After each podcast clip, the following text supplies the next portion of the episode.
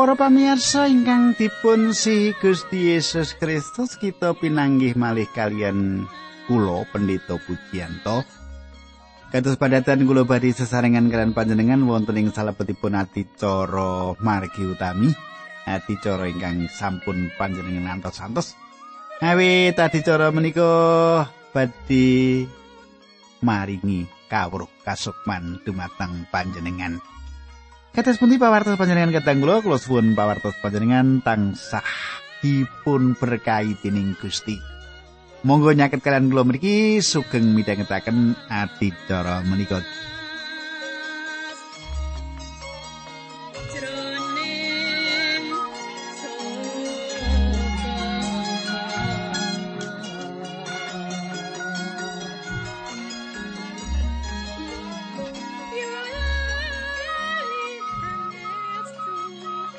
Pamirsa, mbok menawi panjenengan tasih kemutan menapa ingkang kula aturaken duk pepanggihan kepengker. Ing pepanggihan kepengker kateng kula kita sampun rampung nyemak kados pundi cara gesang. Pasamuan wiwitan ingkang gadah semangat pasederian ingkang kiat lan katrisnan ingkang manunggalaken. Makaten nggih.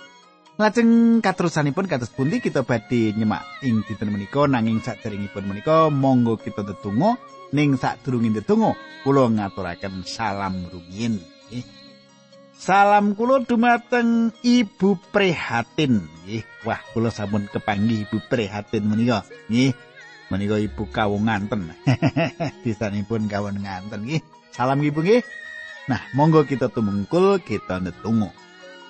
Dukanyo Rama ingkang ada dampar wonten kraton ing kasuwarken kawula ngaturaken kuning panuwun menawi wekdal menika kawula saged tetunggilan kalian sedherek kawula lan kawula nyuwun kawruh kasukman menika nambah-nambah ana tumrap sedherek kawula ingkang setya midhangetaken adicara menika. Dinambaran asmanipun Gusti kawula Yesus Kristus kawula netunggal haleluya amin.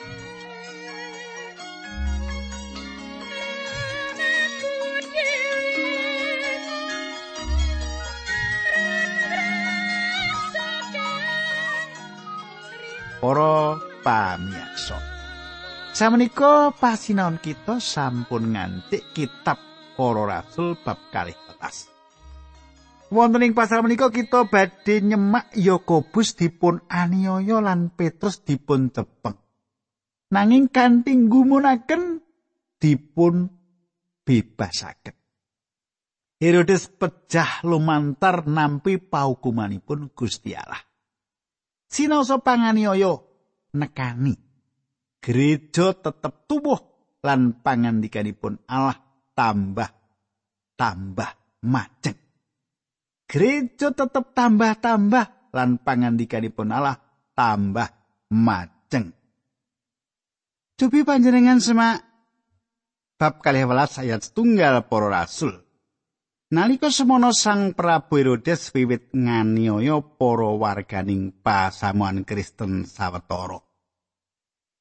Para pamirsa Sang Prabu Herodes inggih menika Herodes Agribas tunggal wayahipun Herodes Agung ingkang nyubi mejahi Gusti Yesus ing wekdal Gusti Yesus menika lair. Mboten-mboten keluarga ingkang langkung gadah patrap memungsuan kalian Gusti Yesus kajawi tiang-tiang menika. Kados ingkang kita mangertos, mboten setunggal kemawon saking keluarga Herodes ingkang nate saestu-estu mertobat dumateng Gusti Allah. Panjenengan tasih kemutan bilih ngantos sing wekdal panganiaya dumateng gereja saperangan ageng asalipun saking para pemimpin agami mriginipun tiang saduki. Samenika panganiaya wiwit diwiwiti ing sakiwa tengenipun pamarentah. Panganiaya pindah saking agama dumateng politik nggih. Panganiaya menika pindah saking perkawis-perkawis agami dumateng politik. Saged ugi Herodes nindakaken perkawis menika kangge pikantuk panyengkuyung saking sawetawis golongan ingkang gadah pengaruh ing wekdal semanten. Kita mangertos bilih piyambakipun wiwit atindak keras dumateng sawetawis tiang saking pesamuan. Tembung ngatindak keras sakjatosipun boten patos cetha nggambaraken menapa ingkang dipun tindakaken Herodes. Herodes nindakaken sawijining panganiaya ingkang kejam boten gadah prikemanusiaan dumateng gereja. Cobi panjenengan semak ayat kali. Atas dawe sang Prabu Herodes raso Yakobus sedulure raso Yohanes katigas gulune. Panjenengan semak. Kasunyatanipun dipun pratelaken kanthi saestu gamblang. Piyambakipun mejahi Yakobus ngangge pedang. Yakobus dados martir, dados martir ingkang kaping kalih ingkang dipun sebutaken. Ayat 3 bareng perso yen tindake mengkono kuwi gawe senenge atine wong Yahudi Sang Prabu Herodes saya ndodro mula banjur dawuh supaya Rasul Petrus uga ditahan. Kelakone perkara mau nalika pinuju riyaya pesta roti tanpa ragi. Kadang kula Yakobus dipun pejahi. Nanging Petrus badhe dipun rimat direksa secara ngumunaken wonten ing panganiaya menika. Ing mriki kita manggihaken satunggalipun patuladan saking kersanipun Allah ingkang wetah, ingkang makarya ing saklebetipun gereja. Kulo yakin wonten kathah ingkang tangket kena ngapa Yakobus dipatrapi paukuman mati. Kamangka Petrus diidinake tetep urip. Kena ngapa Gusti Allah nindakake perkara iku? Kathah tiang ingkang gadah pitakenan ingkang sami ing wekdal samenika. Jawabanipun inggih menika bilih menika hakipun Gusti Allah sawetahipun. Gusti Allah tasih makarya kanthi cara ingkang kados mekaten ing salebetipun gereja jaman samenika. Nalika kula nglados sing salebetipun gereja kula sampun ningali Gusti gayuh ing salebetipun lan mendhet sawetawis anggota ingkang tartamtu ingkang gadah peladusan ngedapi-dapi medal saking gereja lumantar pati. Lan salajengipun wonten tiang-tiang sanes ingkang sampun dipun tinggalaken panjenenganipun. Kenging menapa panjenenganipun nindakaken perkawis menika. Kadang kula ingkang kula tresnani. Menawi Gusti Allah sampun tanglet dumateng kula. Ndangu dumateng kula. Dipun tingali saking paningal kula minangka pangening jemaat kula badhe matur bilih Gusti Allah mendhet tiyang ingkang lepat lan panjenenganipun ugi nilaraken ingkang lepat nanging kita ketangakeni bilih gesang lan pecah wonten ing astanipun Gusti Allah ingkang Maha Kuwaos. Nalika panjenengan lan kula mbalela dumateng putusanipun Gusti Allah, mila pengaruhipun daya pengaruhipun sanget-sanget awon kangge kita. Menika jagat raya kagunganipun Allah. Lan sanes kagungan kita. Menika inggih menika gerejanipun Allah. sanes gerejanipun kita astanipun Allah ingkang Maha Kuwas makarya mlebet ing salebetipun gereja Kadang kula ingkang kula tresnani cetha Yakobus menika salah setunggal saking pimpinan gereja ing Yerusalem. Gusti Allah ngidinaken Herodes mejahi piyambakipun. Petrus temtugi satunggalipun pemimpin. Petrus menika pemimpin. Gusti Allah ngidinaken piyambakipun tasih tetep gesang. Samenika kula wasaken ayat sekawan bab 12 para rasul. Sawise Rasul Petrus dicekel nuli dilebokake ing pakunjaran, ing kono Rasul Petrus dipasrahake kanthi dawuh supaya dijaga dening prajurit patang ponto. Saben pantane wong papat oleh njogo giliran sak ponto sak ponto kersane sang Prabu Herodes Rasul Petrus harap diadili ana ing ngareping umum sawise riyaya Paskah Para pamirsa, tembung Paskah kedahipun dinten riyaya Paskah. Sayektosipun kekalipun dumados ing wekdal ingkang sareng awit panjenengan imut bilih Gusti Yesus ngawontenaken dahar dalu kalian para muridipun sekedap saderengipun panjenenganipun dipun salib. Nanging tiang-tiang Yahudi ing Yerusalem ing wekdal menika saweg ngriyayakaken dinten riyaya Paskah lan sanes dinten Paskah. Herodes saestu-estu merintahaken paring dawuh supados njagi Petrus secara saestu-estu ing mriki. Ayat gangsal. Dadi Rasul Petrus dijogo ana ing pagunjaran nanging pesamuan oleh ndongaake marang Gusti Allah ora kendhat. Panjenengan katasaken, tiang-tiang pitados sowan ing ngarsanipun Gusti Allah lan kanthi tulusing manah ndongaaken supados Simon Petrus menika kamardikaken, kauwalaken. Ayat 6. Ngarepake Rasul Petrus diladake marang pengadilane Sang Prabu Herodes ing wengi kuwi Rasul Petrus sare kaapit dening prajurit loro. Tangane dirante kiwa tengen karo prajurit sing ana ing kiwa lan tengene mau lawangi pagunjaran dijogo dening prajurit. Kateng kula kados pundi Simon Petrus saged tilem ing antawisipun kalih prajurit menika saestu satunggalipun keyakinan ingkang ngedapi-dapi dumateng Gusti Allah kanthi makaten piyambakipun saged tilem wontening kawalan kali prajurit kiwa tengen ngedapi-dapi kateng kula. Samenika monggo kita semak ayat pitu wolu lan songo.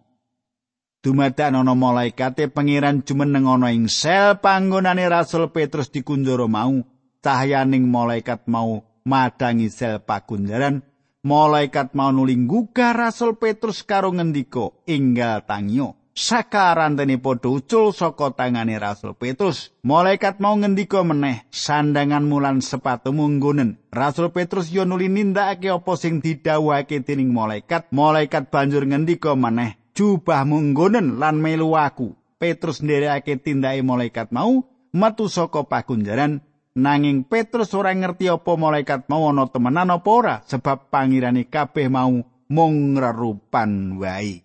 Katanggula ingkang kula tresnani malaikat ngendika dumateng Petrus supados nindakaken perkawis ingkang paling boten mlebet nalar inggih menika ngagem sandangan. Piyambakipun boten rumaos kaget arah ingkang dipun tuju tasih cetok. Petrus nginten piyambakipun sawek ngimpi lan piyambakipun saged kemawon medal tanpa mboten ngangge sepatu. Ayat sedoso. Bareng tindake malaikat lan Rasul Petrus mawis ngliwati panggonane wong jaga sing kapisanan, banjur sing kapindo nuli tekan lawang mesi panggonane metu menyang dalan gedhe sing nuju menyang kutha. Lawang mesi mau mengo dewi malaikat lan Rasul Petrus nuli padha metu mlaku liwat lurung dumadaan malaikat mau ngilang. Kadang kula temtu kemawon para prajurit kala wau njaga kanthi kiat dumateng Petrus supados menapa supados Petrus mboten lajeng. Gereja Yerusalem saweg ndongaaken Simon Petrus sawetawis perkawis menika nembe dipun tindakaken. Ndedonga jemaat ing Yerusalem. Sasampunipun Petrus uwal saking bebaya, malaikat menika ngejaraken Petrus melampah piyambakan. Panjenengan gatosaken ing ayat pitu, wonten mriku kasrat malaikat pengiran. Malaikat pengiran wonten ing perjanjian lami menika meratelaken gegambaranipun Sang Kristus ing jaman saderengipun manjalma dados menungso. Gusti Yesus Kristus samenika wonten ing sisih kananipun Gusti Allah wonten ing salebetipun badan kamulyanipun. Piyambakipun sanes malaikat ingkang rawuh kangge mbebasaken Petrus. Menika inggih menika satunggal malaikat ingkang sampun dipun utus Gusti Yesus. Tungo-tungo pesamuan sampun dipun jawab. Ayat 11 bab 12 para rasul. Makaten surasipun. Rasul Petrus lagi ngerti apa sing mentas dialami. Pangucape Saiki aku ngerti yen pangeran wis ngutus malaikate supaya ngluwari aku saka pangwasane Sang Prabu Herodes. Lan saka saking perkara sing dirancang dening wong Yahudi. Kadang kula Petrus langsung ngrumaosi langsung imut bilih Gusti Allah sampun mbebasaken. Ayat 12. Bareng wis ngerti marang lelakon mau Rasul Petrus nuli lunga menyang omahe Maryam, ibune Yohanes sing uga karan Markus ing omah kono ana wong akeh sing lagi padha ngumpul lan ndedonga. Kadang kula jaman samenika nalika kita rerembakan bab gereja, kita pakulianipun rerembakan bab satunggalipun bangunan. gitu, bangunan. Nanging sejatosipun gereja inggih menika badan tiang pitados. Ing wiwitanipun gereja mboten nate kepanggih wonten ing salebetipun gedung pepanggian. Mboten kepanggih wonten ing satunggalipun gedung pepanggian. Tiang-tiang pitados kepanggih wonten ing griya-griya. Samenika Maryam, ibu saking Yohanes Markus cetha satunggalipun tiang setri ingkang sugih lan gadah griya ingkang ageng lan saged nampung pasaman kempal wonten ing mriku. Tiang-tiang pitados kempal sesarengan kalian ndedonga kangge Simon Petrus supados Simon Petrus saged dipun mertikaken, saged dipun uwalaken, dipun bebasaken. Samenika kita lajengaken bab 12 ayat 13. Petrus totok-totok ing lawang regol nuli ana abdi wadon sing jenenge Rode teko arep niliki sapa wong sing totok-totok mau. Kadang kula ingkang kula tresnani kangge mangertos sinten ingkang totok-totok ateges Rode dumugi nyaketi lawang lan mirengaken. Jaman menika jaman pangani ngoyo. Menika penting kangge mangertos sinten ingkang totok-totok wonten Jawi. Rode ateges mawar. Piyambakipun saged ugi tiang setri ingkang dados pembantu. Tiang setri ingkang dados pembantu. Kita lajengaken ayat 14. Rode ora pangling karo suarane Rasul Petrus. Nanging saka bungae Rode mau ora ngengakake lawange malah bali mlebu lan ngandani wong-wong sing padha nglumpuk yen Rasul Petrus ana ing regol. Panjenengan katosaken. Rode kesupen mbikaaken lawang gapura. Piyambakipun seneng sanget bingah sanget kanthi mekaten piyambakipun nilaraken Petrus ngaten kemawon lan ninggalaken gapura menika piyambakipun mlajeng dumateng tiang-tiang ingkang sawak ndedonga.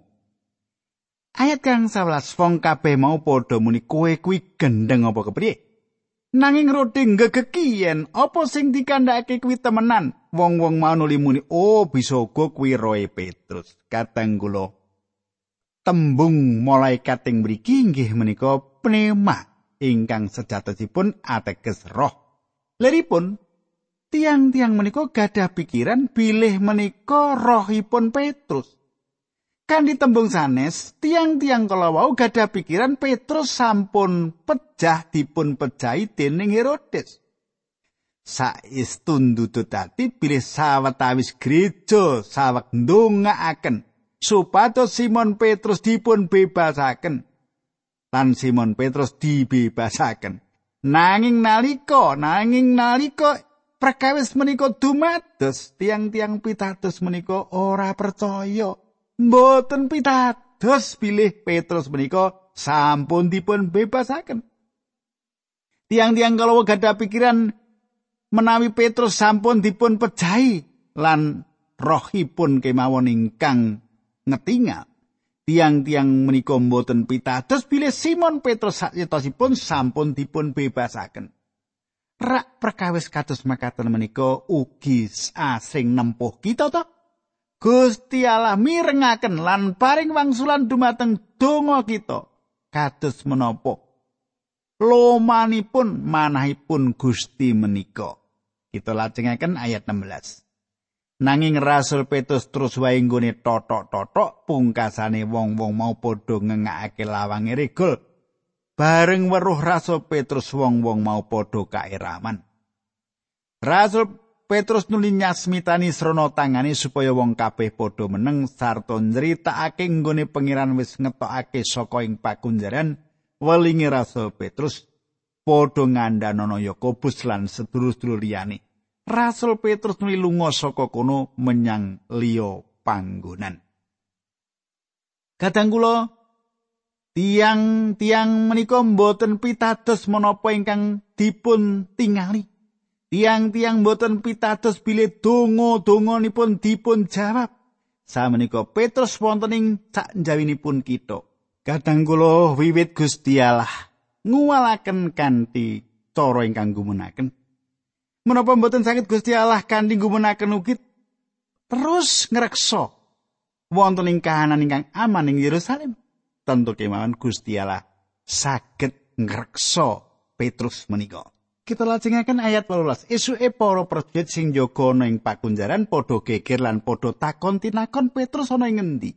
Kateng kula panjenengan gatekaken bilih dokter Lukas ngginakaken tembung geger. Nalika piyambakipun nyanjangaken bilih wonten gegeran ingkang dipun kajengaken ngendikaken bilih wonten satunggalipun perkawis ingkang ndadosaken gegeran dumados. wonten ing lelampahanipun para rasul kang salah sayat kalih ing wekdal Yudaisme mlebet ing salebetipun gereja Lukas nyanjangaken kanthi keras lumawan lan bantah. Ingkang dipun kajengaken inggih menika tiang-tiang menika nindakaken padudon. Nanging Dr. Lukas tansah ngginakaken basa ingkang alus. Nalika para prajurit manggihaken menapa ingkang sampun dumados lan sadar bilih Simon Petrus sampun kesah para prajurit saged ugi lajeng ngawontenaken jagan siaga wonten ing sakiwatenganipun kita supados Petrus mboten saged mlajeng wonten satunggalipun gegeran ageng ingkang dumados Ayat 19 Sang Prabu Herodes dawuh goleki nanging Rasul Petrus ora ketemu sing padha njaga nuli dipriksa lan dipateni. Sawise kuwi Sang Prabu Herodes tindak saka tanah Yudea lan nganti sawetara suwene ana ing kutha Kaisaria. Katanggula Herodes inggih menika tiyang ingkang tegelan lan wangkot. Piyambakipun boten ngajeni nyawa manungsa kanthi ngukum pat pati tiang ingkang jaga piyambakipun sanjang dumateng jagat bilih piyambakipun boten pitados menawi Rasul Petrus menika saged mlajeng ingkang menika sedaya atas pakaryanipun Gusti Allah. Herodes nganggep bilih bawaanipun kedah tanggal jawab. Piyambakipun mejahi sedaya prajurit ingkang jaga Petrus. Selajengipun piyambakipun kisah dateng Kaisaria. papan menika satunggalipun papan kangge ngaso wonten ing laut tengah. Pilatus remen kisah dateng mriku lan kathah priagung Rom manggen wonten mriku. Sejatosipun kita menika satunggalipun markas ageng prajurit Rom. Tiang Rom kados Pilatus mboten peduli kanthi Yerusalem. Tiang-tiang menika cetha mboten remen Yerusalem kados dini Raja Daud. Dados samenika Herodes kesah dateng Kasaria kangge liburan. Ayat kali dosa. Sang Prabu Herodes tuku banget marang wong kutha Tirus lan kutha Sidon, mulane wong-wong mau padha sayek sowan bebarengan, sing dhisik wong-wong mau padha ngrimuk blastus, ya kuwi punggawa keraton sing dhuwur pangkate, supaya ngiloni marang wong-wong mau Sawise mengkono padha suwan marang Sang Prabu Herodes nyuwun kawelasan awit pangane wong-wong ing kutha Tirus lan kutha Sidon mau gumantung saka pametune wilayah Sang Prabu Herodes. Kadang kula Tirus lan Sidon pancen nindakaken bisnis kalian Herodes lan ing wekdal menika piyambakipun nesu dumateng kalih kutha menika patrap menika ngganggu ekonomi penduduk Tirus lan Sidon. Dados tiang-tiang menika dugi kangge bedamen kalian Herodes. Ayat selikur Ing dina sing wis ditetepake dening Sang Prabu Herodes, Sang Prabu nuli ngagem-ageman keprabon sarta lenggah ana ing dampar karo medar sabdo. Kadang kula Herodes saestu gumedhe lan sombong Herodes inggih menika salah setunggal manungsa ingkang dados gambaran antikristus Yohanes ngendikaaken prakawis menika wonten ing setunggal Yohanes kalih wolulas He anakku pungkasaning jaman iki wis cepak lan nyocoki karo apa sing wis korungu yen antikristus bakal teka lan saiki wis akeh antikristus sing padha jumedul kuwi pertandani yen pungkasane jaman wis cepak temenan. Ayat kali likur ngantos telu likur satengah medar sabdo mau wong-wong sing ana ing kono padha surak-surak karo muni sing ngendika kuwi Allah dudu menungso. Sanalika iku uga malaikate pangeran ngebak Sang Prabu Herodes sawit saka nggone ora ngurmati marang Gusti Allah, Sang Prabu Herodes nuli dimangsa dening cacing banjur situ. Kadang kula Gusti Allah mboten badhe ngedum kaluhuranipun pikurmatanipun kalian sinten kemawon ugi. Kitab Yesaya kawan dosa kaliat walu, aku yo mung aku dhewe jumeneng pangeran Allahmu. Aku ora maringake kaurmatanku marang sapa wae utawa maringake kamulyanku marang reto gaweane manungsa. Herodes nampik ngluhuraken Allah lumantar mukjizat anggenipun Gusti Allah nguwalaken Petrus saking pakunjaran lan samenika piyambakipun rela ngejaraken rakyat muji-muji piyambakipun minangka dewa lan Gusti Allah paring paukuman dumateng piyambakipun. Para rasul kalih ayat 24 dene pangandikan Gusti Allah sang saya sumebar lan tuwuh ngrembaka panganiaya babar pindah mboten mambengi gereja. Ayat selangkung Sawise Barnabas lan Saulus ngrampungake kewajibane li padha bali saka kutha Yerusalem karo nggawa Yohanes sing karan Markus. Kadang kula Yohanes Markus wangsul dateng Antioquia kalian Barnabas lan Saulus. Emut pilih tiang-tiang menika wangsul dateng Yerusalem kanthi beto pisungsung dumateng gereja ing mriku. Katenggulah kula cekapi semanten rumiyin, monggo kita ndedonga. Kanjeng Rama ing swarga kawula matur nuwun, Gusti berkahi kawula wonten ing pangandikan menika. Dinambaran asmanipun Gusti Yesus kawula ndedonga. Amin.